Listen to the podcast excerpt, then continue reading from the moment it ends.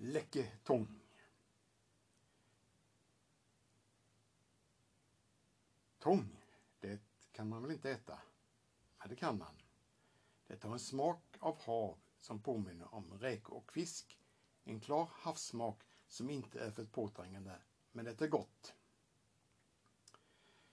Havsalgerna har en förmåga att i tarmen binda och föra bort giftiga tungmetaller, inklusive deras strålfarliga isotoper, det vill säga bly, kadmium, kvicksilver och annat försvinner ut i kroppen tillsammans med algerna. Deras förmåga att binda metaller är så effektiv att man kan behöva en algfri dag då och då. När vi äter alger får vi i oss också massor av nyttiga kostfibrer. Alger är rika på proteiner, men inte på kalorigivande fett och kolhydrater. De är kolossalt vitaminrika, speciellt på vitaminen B12. Mineraler och spårämnen finns det gott om, samt jod och selen. Så det finns många skäl i världen att äta tång istället för att slösa med den som nu görs i industrin i form av konsistensgivare i mjukglass som tillsatts i hund och kattmat eller som bindmedel i färger. Folk i många andra länder äter tång, till exempel i Wales, Japan och Kina. Bara i Sverige finns en 20 olika ätbara sorters tång.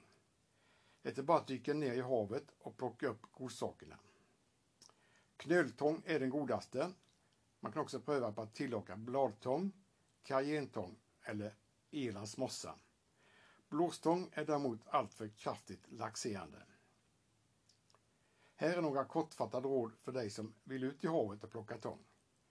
Samla tång i rena vatten, inte i hamnar eller vid kloakutsläpp. Använd unga delar av fleråriga exemplar. Plockar du knöltång ska du använda topparna så långt de är fria från påväxten av smådjur och andra alger. Plockar du bladtång ska du använda den nedersta delen på växten. Den är yngst. All tång ska liksom potatis kokas för att kunna ätas. En god krydda att använda i matlagningen är soja. Inga havsalger är giftiga, men några luktar och smakar mindre behagligt. Bit i den så får du veta vilken du ska ta. Man kan blanda ner tångmjöl i bröd också.